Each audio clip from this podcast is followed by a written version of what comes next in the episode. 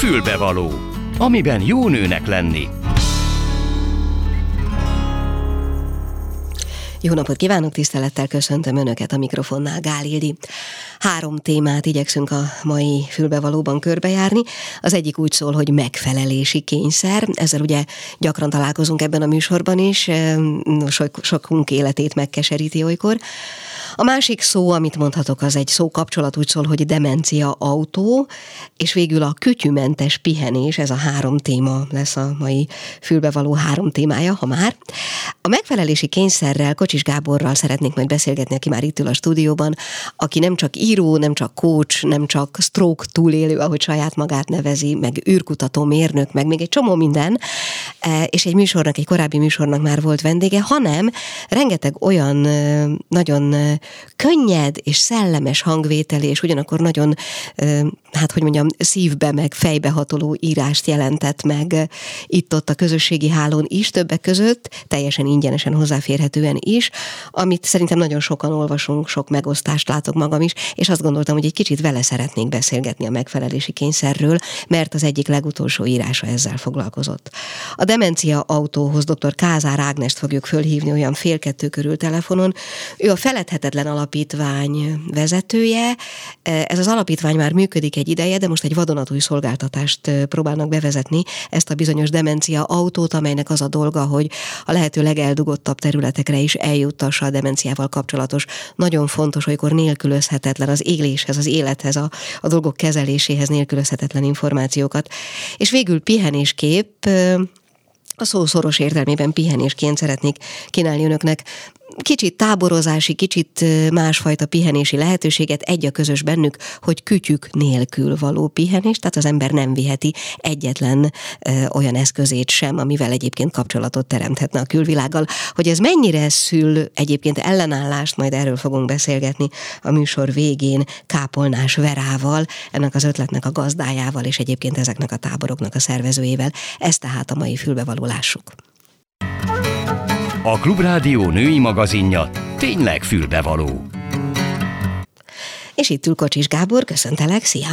Szia, és köszöntöm a hallgatókat, köszönöm szépen a megtisztelő felkérést. Mm, mielőtt belevágnánk abba a témába, ami miatt hívtalak, ami miatt a legutol, vagy amiből a legutolsó írásod táplálkozott, vagy amiről szólni próbált, előtte azért egy nagyon pici ilyen mini portrét hadd csináljunk rólad. Ugye felsoroltam egy-két dolgot, ami ebből számomra a legmeglepőbb, ez az űrmérnök. Jól mondom? Űrkutatási Űrkutatás területén dolgoztam villamosmérnökként, igen. Az, az hogy működik, hogy az ember, ugye Magyarország nem egy űrhatalom, akárhogy is. Hol tudtál dolgozni ezzel kapcsolatban? A Műszaki Egyetemnek van egy űrkutatócsoportja, ott dolgoztam. Egyébként vannak már űripari cégek is Magyarországon.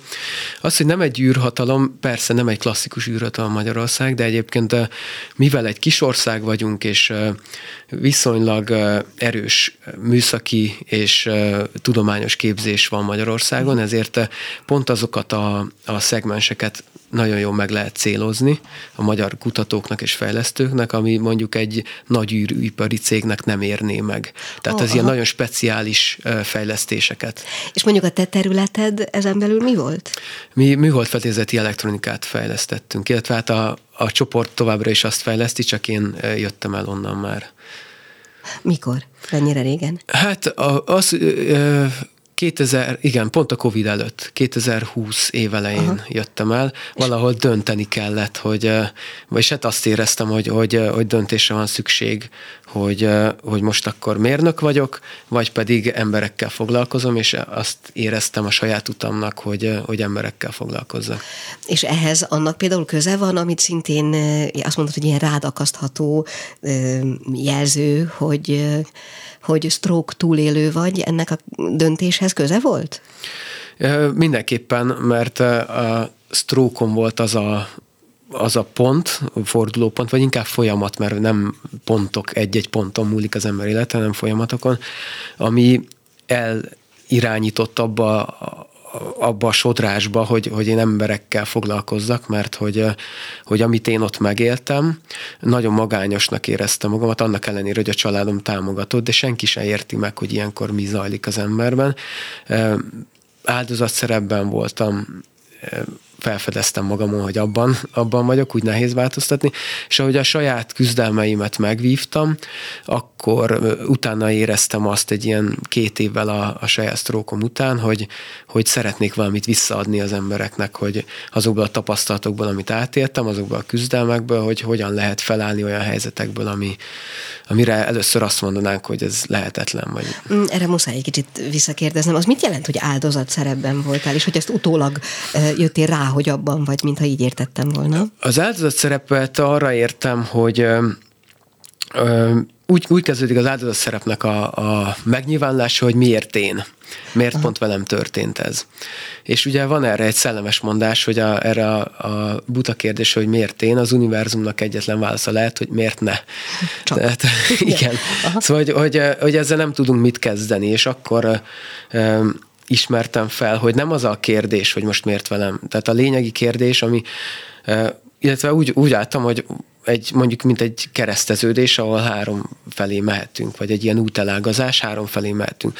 Vagy azt csinálom, hogy, hogy megpróbálom szőnyeg alá söpörni a történteket, mit nem történt vagy semmi, de akkor már volt annyi tapasztalatom, hogy, hogy úgy éreztem, hogy az, az úgy is feljön a szőnyeg alól, tehát uh-huh. kijön onnan. Uh-huh. Úgyhogy ez, ezzel legfeljebb oda juthatok, ahol voltam, de de inkább De ki lejjebb. akar oda jutni, ahol volt. Igen. A másik az, hogyha benne ragadok ebben a, a szenvedésben, hogy miért én, úristen, 28 éves voltam akkor, házasság előtt éppen harcművészeti vizsga előtt. Ezt még nem is mondtuk, hogy mondtuk, hogy harcművész is vagy. Oké? Okay? Hát ezek csak címkék igazán, mert okay. azt gondolom, hogy mindannyiunkban rengeteg csodálatos dolog van. Szóval, hogy, hogy a második út az az volt, az lett volna, hogy akkor szenvedek és ostorozom magamat, meg a világot, meg keresek valakit, aki hibás lehet azért, hogy, hogy most ez miért történt velem, nehéz lett volna, de, de hogy, hogy akkor ebben ragadok, akkor, akkor valószínűleg csak mélyebbre jutok. És a harmadik út az, hogy, hogy valamit kezdek ezzel, a, ami történt. És hogyha látszólag nincsen értelme valaminek. Mert most mi értelme annak, hogy egy egészséges, sportoló, látszólag boldog ember 28 évesen a halál szélére jut, vagy a halál közelébe jut, ennek látszólag nincs semmi értelme, akkor az én feladatom az, hogy értelmet adjak neki. És innen ö, jött az, hogy, hogy akkor bármi, ami történik velem, azt én hogyan tudom felhasználni. Uh-huh. És annak, hogy értelmet keresel, emögött része az is, hogy megpróbálod kideríteni ennek a sztróknak az okát? Akár a lelkieket, akár a fizikaiakat.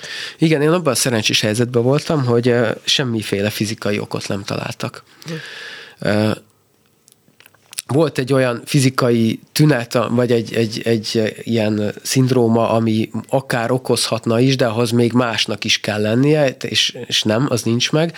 Most nem akarok ilyen részletekbe hát menni, tehát hogy, hogy, hogy orvosilag kriptogén, tehát ismeretlen eredetű sztróknak minősítették, és kénytelen voltam magamban nézni, hogy akkor valamit én a fejemben, a lelkemben valami nagyon tévútra mentem. Jó, akkor úgy kérdezem, hogy e tekintetben kerestél-e, vagy találtál-e, vagy magyarázatot? Igen, abszolút. Tehát, hogy, hogy amikor befelé figyeltem, akkor láttam meg azt, hogy, hogy, hogy mennyire görcsösen és, és vonalasan élem az életemet, és én ennek tulajdonítom a sztrókokát. Hm. Akkor szerintem lehet, hogy most érkeztünk el a megfelelési kényszer című dologhoz, amiről azt gondoltam, hogy írtál, és amiről talán érdemes beszélni. Ezen te már elmondható, hogy túl vagy bizonyos értelemben, nem a sztrókon, hanem a megfelelés kényszerén. A megfelelési kényszer, egyrészt ez egy összetett dolog, viszont az, amit klasszikusan megfelelési kényszernek veszünk, az bennem kevésbé volt jelen. Nem azt mondom, hogy nem volt jelen, kevésbé, én inkább magam, a saját magam elvárásainak akartam nagyon ridegen megfelelni. Nem a környezetnek az elvárásainak. Van lényeges különbség? Nem abból építkezik a saját magam felé való elvárásom, amit egyébként kulturálisan magamba szívtam, akár öntudatlanul is, és amit egyébként a világ is képvisel? Ez nem nincs átfedés legalább? De abszolút van, illetve lehet átfedés, sok esetben van.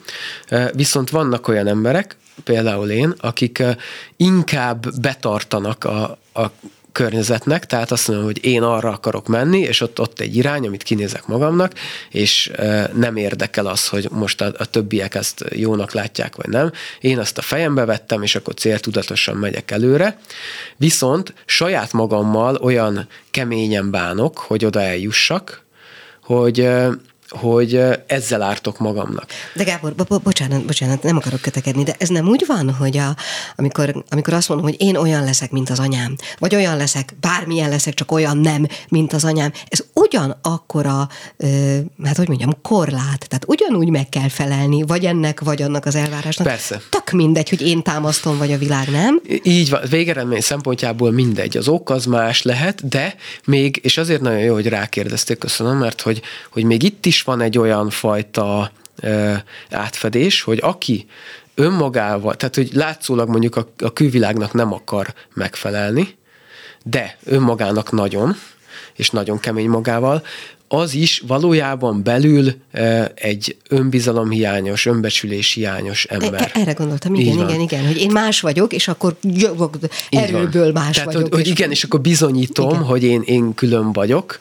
igen. és tehát a, a, ha mélyére megyünk, akkor mindig ott megtalálható az, hogy igen, hogy én magammal nem vagyok rendben, és ezt lehet, hogy éppen a felszínen úgy, hogy a, a, az anyámnak, az apámnak, az akárkinek akarok megfelelni, de lehet, hogy a felszínen ez úgy manifestálódik, hogy én, én a saját magam keménységével Oké, okay, persze, ezt értem. Hogy lehet, hogy lehet ezen a dolgon kívülre esni, illetve lehet, hogy inkább, vagy kívülre kerülni, lehet, hogy inkább úgy kérdezem, amit az előbb is mondtam, hogy ugye ezeknek egy jó része valószínűleg nem is tudatos, hiszen pici korunk óta kulturálisan, meg a környezetünk által, meg mondom, sokszor öntudatlanul belénk kerül. Nem is tudjuk, hogy honnan származik, csak jó akarok lenni, mert, mert a jó kap dicséretet a világban, és kész. Igen, igen. Erről eszembe jutott egy mondás, hogy mindenkinek van valami, amit meg kell szabadulnia. Tehát általában a felnőtt korunk nagy kihívása az, hogy egy csomó mindent ránk pakolnak gyerekkorunkban, ami, ami nem a miénk.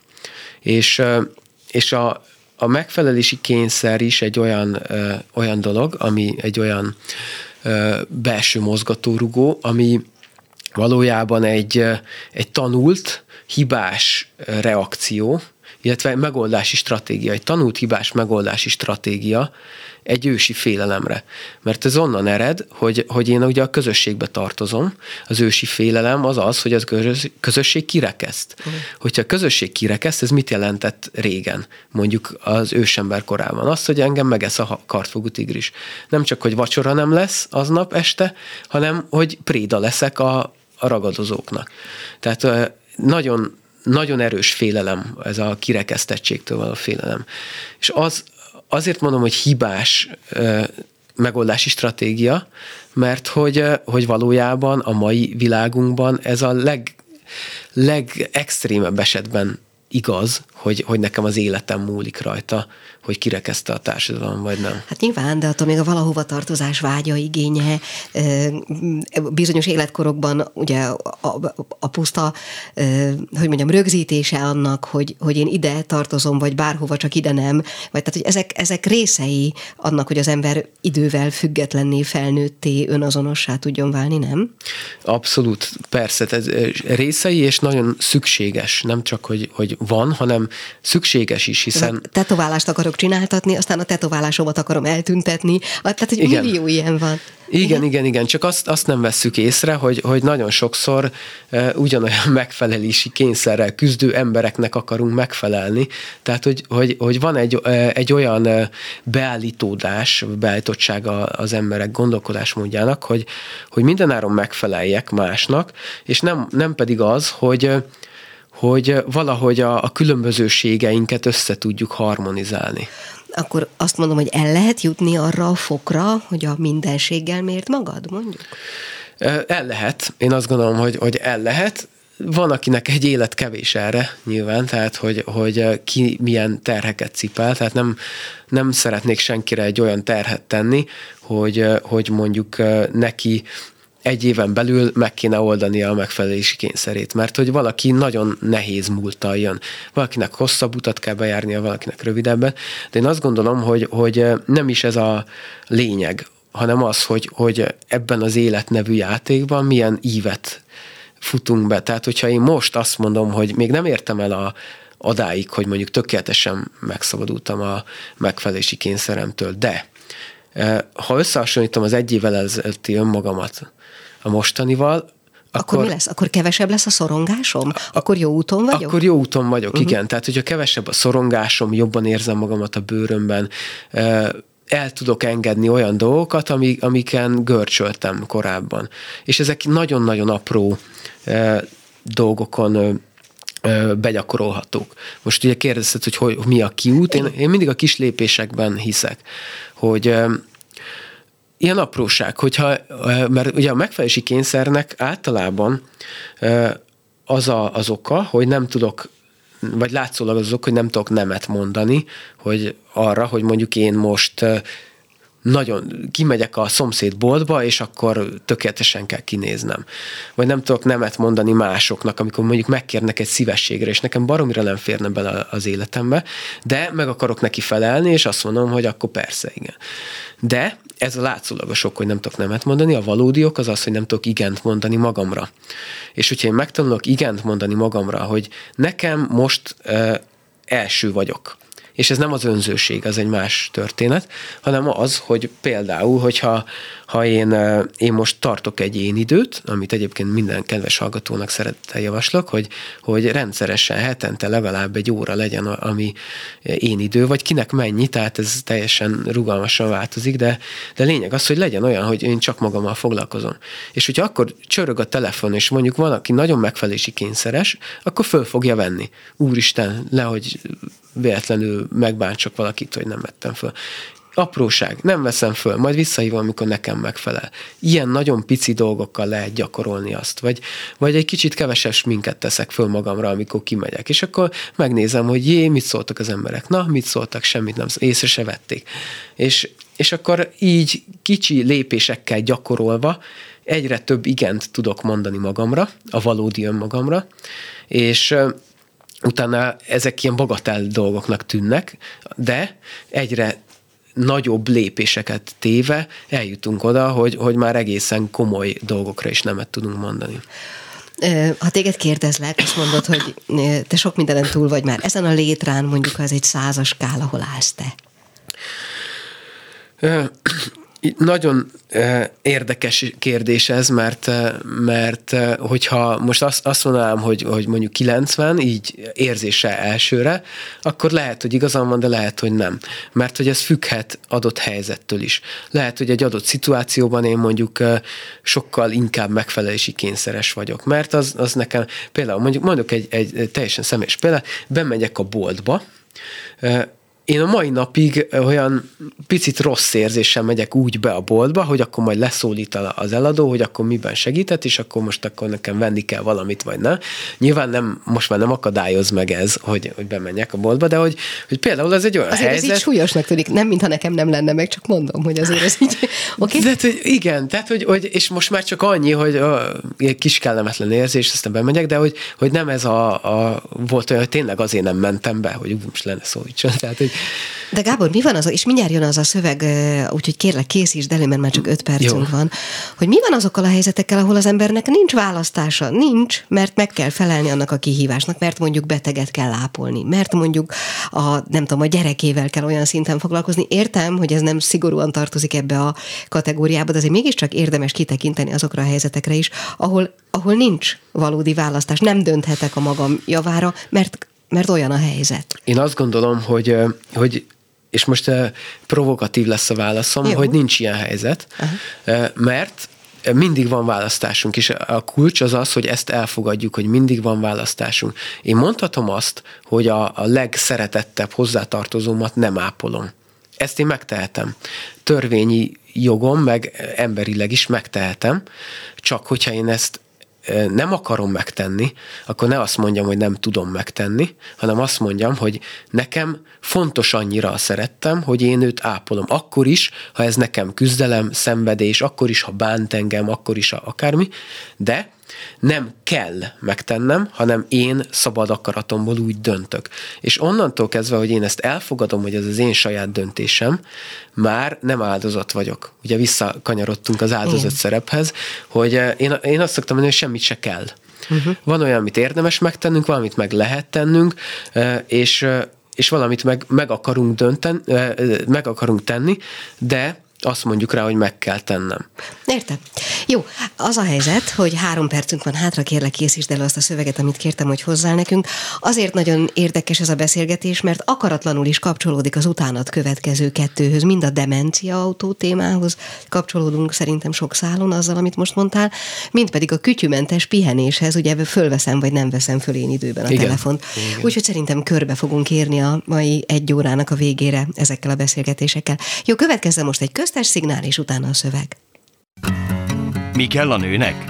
Egy fülbevaló.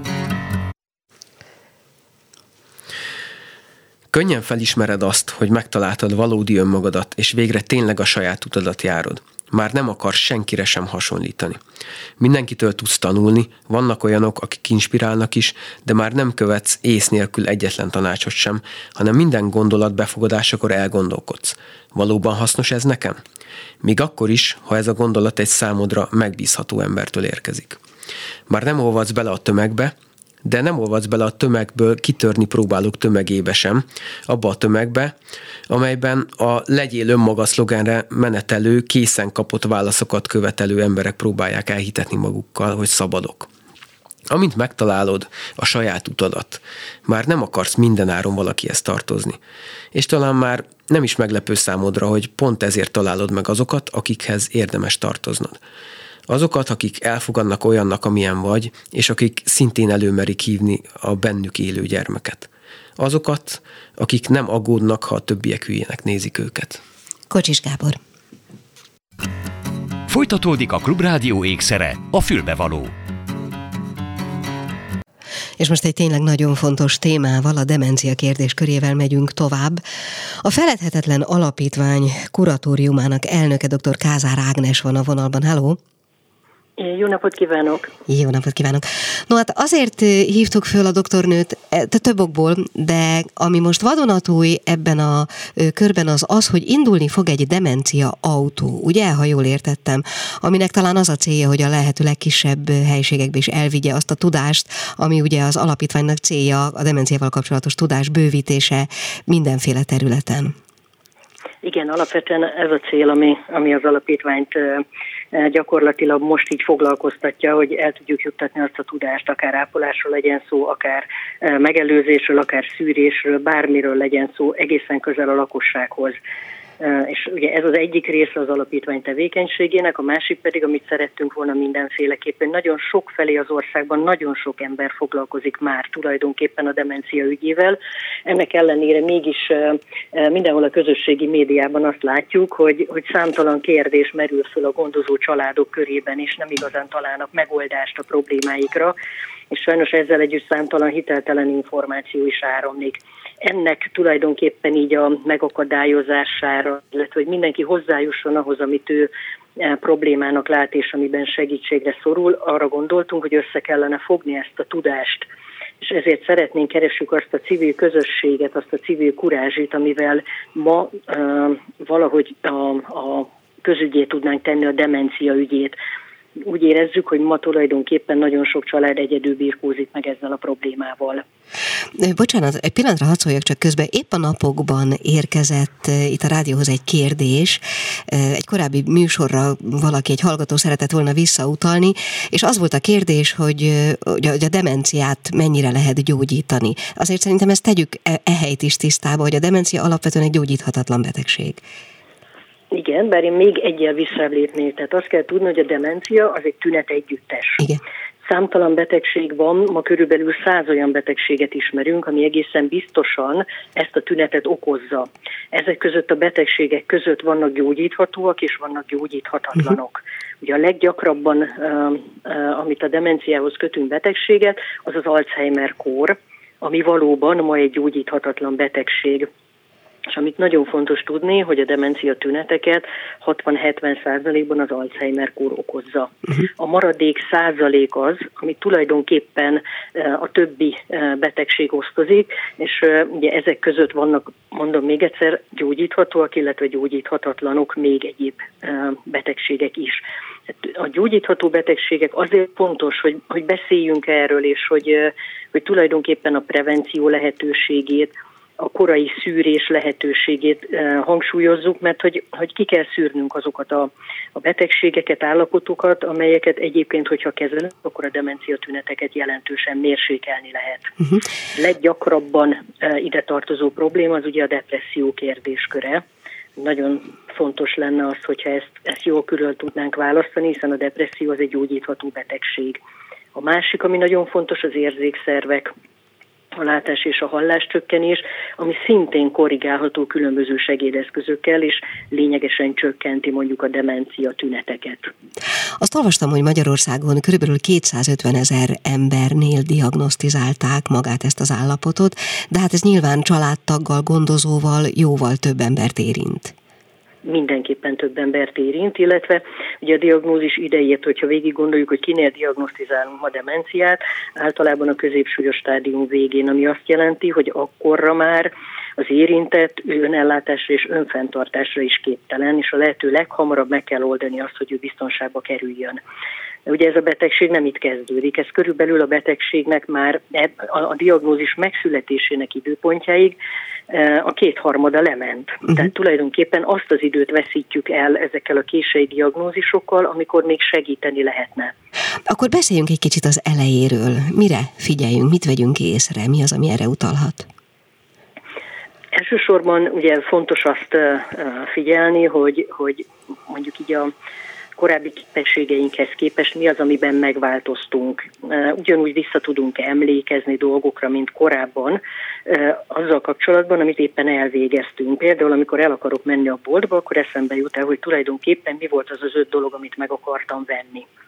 Hogyha észreveszem magamon, hogy például ez problémát jelent, akkor ezzel kapcsolatban egy picit érdemes foglalkozni, hogy valóban elfelejtettem, vagy csak egyszerűen ott az a sok áru, meg az a sok ember, meg a parkolás probléma, meg az egész odajutás körüli herceg urca esetleg nem terelte el a figyelmemet. Aztán nagyon fontos, hogyha közlekedek, például hányszor tévedek el vezetés közben. El akarok menni egy utcába, ahol elmentem nagyon sokszor, és most valamiért nem tudom hirtelen, hogy merre kell mennem. Uh-huh. Tehát számtalan ilyen konkrét példát fel lehet sorolni az elején. Az a fontos, hogy ilyenkor mindig el kell azon gondolkozni, hogy valóban milyen körülmények között volt ez a feledékenység. Hogyha azt tapasztalom, hogy teljesen nyugodt voltam, felkészült voltam, és mégis valahogy valami megváltozott körülöttem, akkor mindenképpen érdemes elmenni egy demencia szűrésre. A másik oldal pedig, hogyha a család szeretném hangsúlyozni, hogy a közvetlen családnak ebben nagyon fontos szerepe van. Ha a család veszi azt észre, hogy például sótlan lett a húsleves, vagy kimaradt a paradicsomszósz a milánói makaróniból, vagy e, számtalanszor nyitva marad az ajtó, vagy fölhalmozódik a hűtőszekrénybe egy bizonyos ételtípus. Tehát, hogyha a család azt veszi észre, hogy a, az egyébként jól működő háztartásban, a szülei háztartásában valami megváltozott, akkor kezdjen el figyelni, és hogyha valóban azt látja, hogy tényleg valami probléma van, akkor igenis meg kell fognunk a szüleinknek a kezét, és el kell mennünk az, az orvoshoz. Uh-huh. Mi történik egy demencia szűrésen? Hát ugye nyilván mint minden orvosi vizsgálat, mert hogy alapvetően ez egy orvosi vizsgálat. Nyilván történik ez a bizonyos anamnézis felvétel, amikor, amikor megkérdezzük a beteget, és nagyon fontos ilyenkor a kísérő hozzátartozó, és megkérdezzük a kísérő hozzátartozót, hogy mit tapasztalt, mit vet észre a másik része nyilván milyen kísérőbetegségekkel él az az érintett, aki észrevette mondjuk magán a feledékenységet. Tehát ez a bizonyos anamnézis felvétel megtörténik, és ezek után tulajdonképpen orvosi jelenlétben különböző, úgy mondjuk, hogy validált, tehát igazoltan a feledékenységre utaló tüneteket vizsgáló tesztek vannak. Ezeket a teszteket gyakorlatilag az orvos vezetése mellett kell vég, végrehajtani, és ezeknek a teszteknek az értékelése során kiderül az, hogy tulajdonképpen most én nekem van problémám, vagy nincs problémám, és hogyha van problémám, akkor mi az, ami, amiben úgy igaziból egy picit meggyengültek a képességeim. Uh-huh. És ugye emellett nagyon fontos ilyenkor, és, és rendkívül praktikus, hogyha kitöltünk egy, egy ilyen de, depresszió kérdőívet, és egy kicsit önkritikusan magunkban nézünk, hogy valóban a hangulat zavar tünetei azok jellemzőek ránk, vagy sem. Ugye azt mondta doktornő, hogy ennek a, az összefoglaló tünetegyüttesnek a 60-70 százaléka Alzheimer betegség. Ennek a lefolyása az egy szabályos dolog, ami azért nagyjából kiszámítható, akár az idő szempontjából is, tehát hogy mennyi ideig tart egyik, másik, harmadik stádiuma, vagy ez egy, vagy ez egy egyéni lefolyás szerint változó dolog? Hát ma azt gondoljuk erről, hogy ugye alapvetően a súlyossági stádiumokban három súlyossági stádiumot különböztetünk meg, és azt gondoljuk, hogy tulajdonképpen a betegségben eltöltött életévek száma az hát 8-12 évre teszi a szakirodalom, de ma már tudván tudva, hogy ugye nagyon jól működik tulajdonképpen a, ebből a szempontból az egészségügy, hogy a, a születéskor várható átlag élettartam megnövekedésével sokkal tovább élünk, tehát magyarul a demenciában eltöltött életévek száma is nőni fog. Tehát ez a 8-12 év, ez kitolódik 15 évre is akár. Uh-huh. Most tulajdonképpen én, én azt tapasztalom, hogy nyilván a, ahogyan a súlyosságba csúszunk bele, úgy rövidülnek az egy-egy stádiumban eltöltött idő azzal arányosan rövidül. Tehát igaziból a, az enyhe stádium az, ami a legtovább tart. A középsúlyos stádium az, ami tulajdonképpen, és ez mondjuk ez a legtovább, ez akár 6-7 év is lehet, a középsúlyos stádium az általában azért 4-5 év, mert hogy abban előre haladva megjelennek azok a viselkedésbeli zavaró tünetek, illetve az önfenntartás és az önellátás képességének romlása miatt, gyakorlatilag egyszer csak így a család azzal szembesül, hogy, hogy nem maradhat tovább otthon az édesanyja, vagy az édesapa, vagy együtt nem maradhatnak, és elkezdődik valami megoldás keresés és a megoldás keresés nyilvánvalóan jelen pillanatban az esetek nagy százalékában azért a, a szociális intézményi elhelyezés. És a szociális intézményi elhelyezés az azért egy megrázkódtatás, e, mert ugye pont ők azok, akik e, nem élik meg a betegségüknek a tüneteit, nincsen betegség tudatuk, és igaziból nem is szeretnék, hogy az ő életüket bárki is befolyásolja és emiatt tulajdonképpen a végstádium az általában hát lerövidül, és egy ilyen három-négy év eh, gondos ápolás és gondozás mellett azért hát hat, hat év is lehet. Tehát, hogy ez mhm. egy ilyen nagyon átlagos megfigyelés. Nyilvánvalóan nagyon sok minden függ attól, hogy milyen kísérőbetegségekkel él valaki, azoknak a kísérőbetegségeknek milyen tünetei vannak, például egy, egy sztrókon átesett féloldali bénulásban szenvedő beteg, akinek ugye ez a bizonyos vaszkuláris típusú dementálódási folyamata zajlik, ő sokkal esendőbb lesz, sokkal fogékonyabb lesz ágyban fekvő eh, életvitele miatt a tüdőgyulladásra és egyebekre, és nyilván ilyenkor megváltozik a betegségben eltöltött időnek a hossza. Uh-huh. Ezek az intervallumok bármivel, nem tudom én, gyakorlással, keresztrejtvényfejtéssel, helyes táplálkozással, bármivel hosszabbíthatóak-e? Én úgy gondolom, hogy a, az enyhe stádium az mindenképpen és ugye azt kell tudni, hogy az enyhe stádiumban még az önellátás és az önfenntartási képességek megtartottak. Tehát itt ebben, hogyha támogatást kap egy demenciával élő a családjától vagy a környezetétől, akkor, akkor igen, ez az idő biztos, hogy évekkel hosszabbítható meg, és ugye, hogyha ez valakinél mondjuk úgy számolunk, hogy hogy valami mondjuk ilyen 75 év körül, 70-75 éves kor körül kezdődik ez az enyhe demencia állapota, nagyon nem mindegy, hogy 80 éves koráig még valaki, hogyha segítséget kap és megfelelő segítséget kap, ugyanebben az enyhe stádiumban egy jó életminőség mellett éli a mindennapjait. Igen. És mondjuk, amikor majd 80 éves, 82, 83 lesz, akkor így csúszunk bele a középsúlyos stádiumba, és akkor nyilván az életkor előre haladtával azért egyre e, növekedik ez a bizonyos esendőség, ami, ami tulajdonképpen aztán egyszer csak az élet végét jelenti. Tehát nem törvényszerű hogy valaki súlyos stádiumba kerüljön, azért mert Alzheimer korban szenved, mondjuk 80-85 éves korára. Uh-huh. Még egy utolsó kérdés, nagyon sok időnk nincs már, illetve utolsó előtti csak, hogy ugye van egy bizonyos jellemző életkor, amikor ez nagyon nagy többségben megjelenik. Egyrészt ugye azt is olvastam, hogy ez meg fog sokszorozódni a következő években, másrészt azt is, hogy esetleg ez jóval korábbi, fiatalabb életkorra is tevődhet. Hát mindenképpen, ugye azért mondtam, hogy, hogy igaziból a felfedezés éve az, ami eltolódott.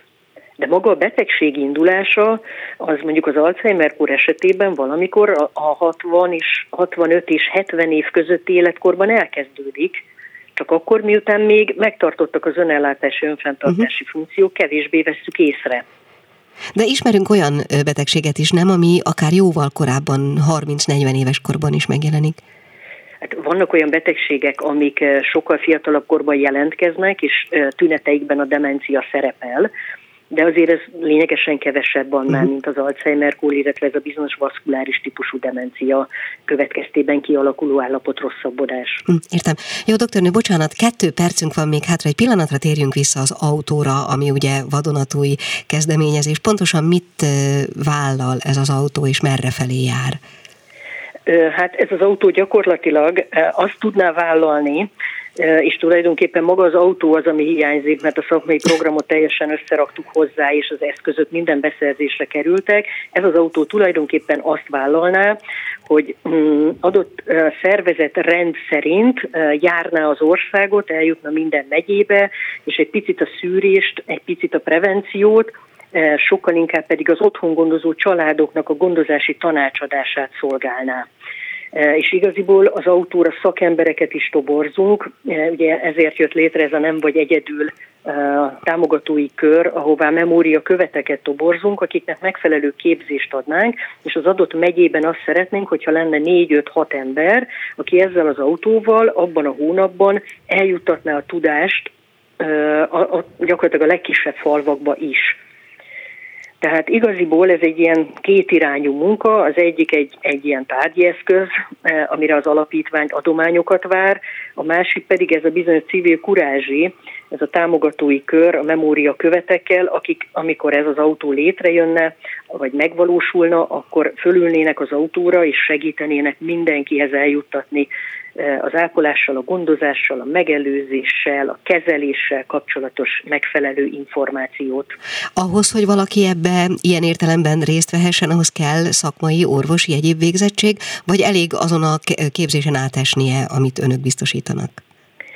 Nem fontos az orvosi végzettség. Nyilvánvalóan a képzésben azért mi adunk nagyon sok információt, de mindenképpen várjuk orvos kollégák csatlakozását is, hiszen azért a hiteles demencia szűrés azért mégiscsak egy egészségügyi hm. szakemberhez köthető, illetve nyilván a tanácsadásban, az otthongondozás vonatkozásában is szükséges az egészségügyi szakember részvétele, de ezt nem írja elő semmi és senki. Uh-huh. Hova forduljon? Megfelelő, igen. Igen, bocsánat, csak azt akartam még gyorsan zárásul, mert sietnünk kell, hogy hova forduljon az, akit ez a dolog most megindított arra, hogy lépjen. Hát tulajdonképpen a weboldalon kap mindenféle információt www.feledhetetlen.com, és ott minden információt, akár a követtoborzás szempontjából, akár pedig a, a demencia autóhoz, az adományozás oldaláról csatlakozni tud. Nagy-nagy szeretettel várunk minden. Tudom, hogy minden történik a világban, de ne felejtsük el, hogy a, a demenciával élők világába is kell, hogy történjen valami, mert nem hagyhatjuk őket egyedül. Nagyon szépen köszönöm, dr. Kázár Ágnest hallották a Feledhetetlen Alapítvány kuratóriumának elnökét. Viszont hallásra köszönöm. Köszönöm szépen, viszont hallásra. Mi kell a nőnek? Egy fülbevaló. És most egyszer, mint megköszönve Kápolnás Vera türelmét, mert nagyon fontos dolgokról beszélgettünk, köszöntöm Önt a vonalban. Halló! Jó napot kívánok! Jó napot kívánok!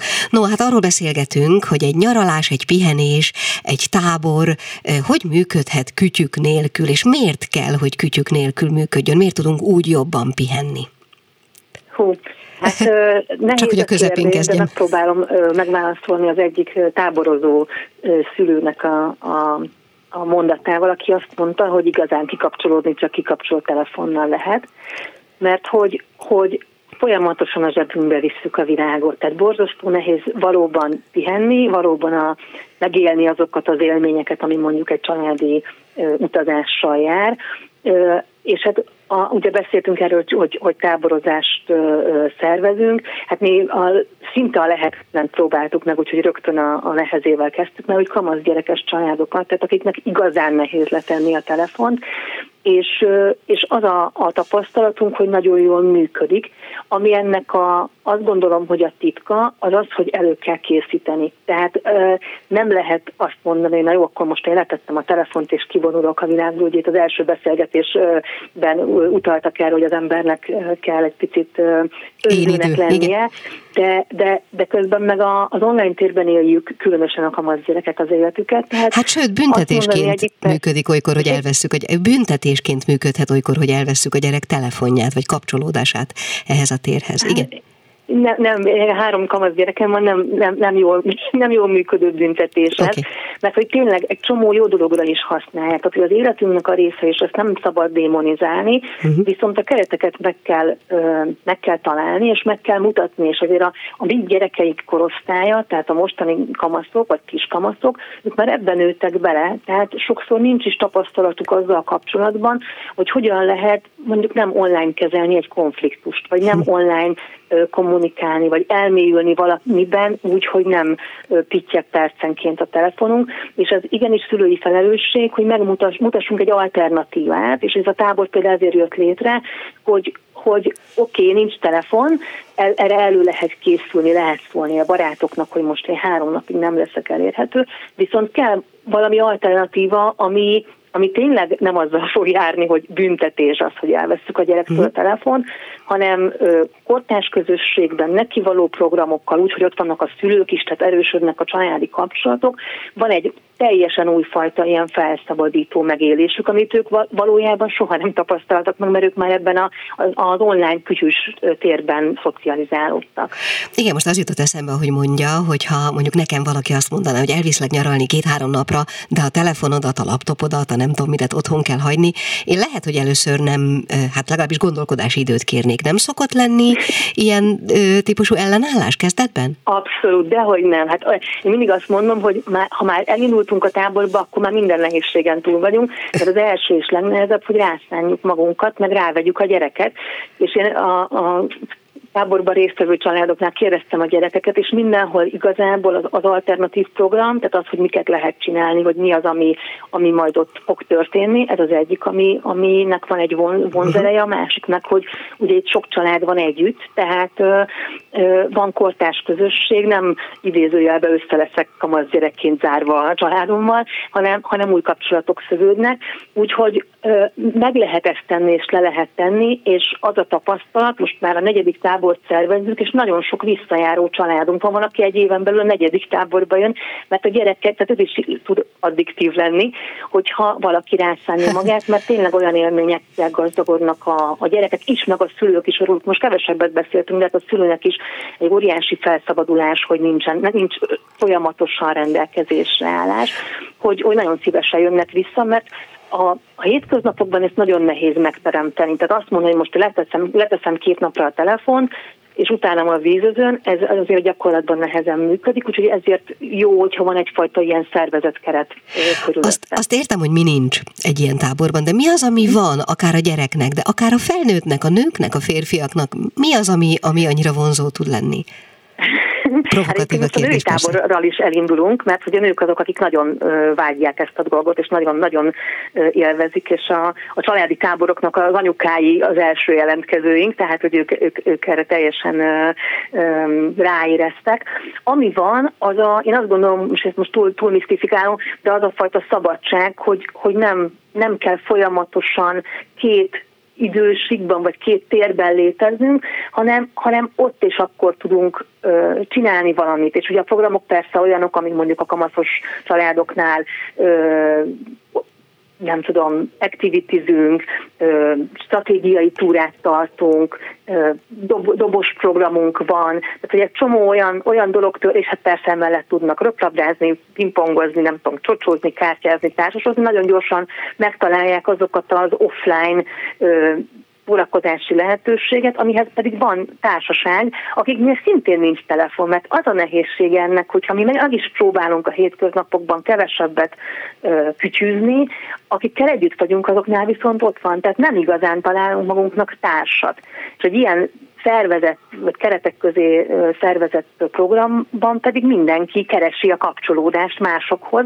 Úgyhogy ami van, az az, az elmélyült szabadidős tevékenység, az, hogy, hogy, hogy a, a személyes kapcsolatok, a családon belül nagyon jó beszélgetések vannak, ami mondjuk a kamasz gyerekekkel nem annyira könnyű, úgyhogy egy ilyen nagyon felszabadító kikapcsolódás, és, és, és egy, egy sokkal lelassultabb, de mégis intenzívebb együttlét. Hát nekem mindenképpen kedvet csinált hozzá, egyszer szívesen kipróbálnám, mondjuk a női verzióját Várjuk ennek a dolognak. Köszönöm szépen.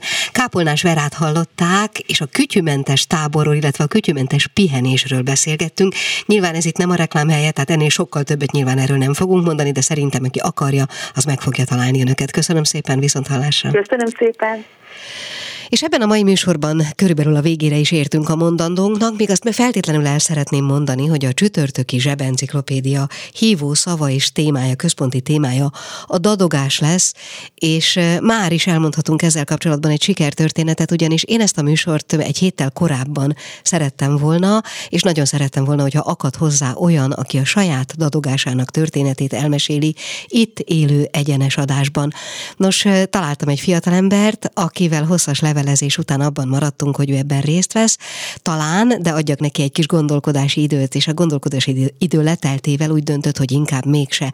Nos, ez a fiatalember megkeresett a tegnapi napon, és azt mondta, hogy ha ez a műsor és az ajánlat még aktuális, akkor ő jön. Szerintem a sikertörténet az már ebből egyértelműen következhet az ő életében mindenképpen. Úgyhogy a dadogásról fogunk beszélgetni, természetesen lesz szakember vendégünk is, érintett vendégünk is, kettő ebben a műsorban van csütörtökön tehát. A mai műsorban pedig beszélgettünk először Kocsis Gáborral a megfelelési kényszerről, aztán a demencia autóról, illetve a demencia autó kapcsán magáról, a betegségről dr. Kázár Ágnessel, a Feledhetetlen Alapítvány kuratóriumának elnökével, és végezetül Kápolnás Verával a kütyümentes pihenésről, a kütyümentes nyaralásról. Ez volt a mai fülbevaló. Én köszönöm, hogyha velünk voltak. Gálillit hallották a viszonthallásra. A Klubrádió nem csak nőknek szóló magazinját, a fülbevalót hallották.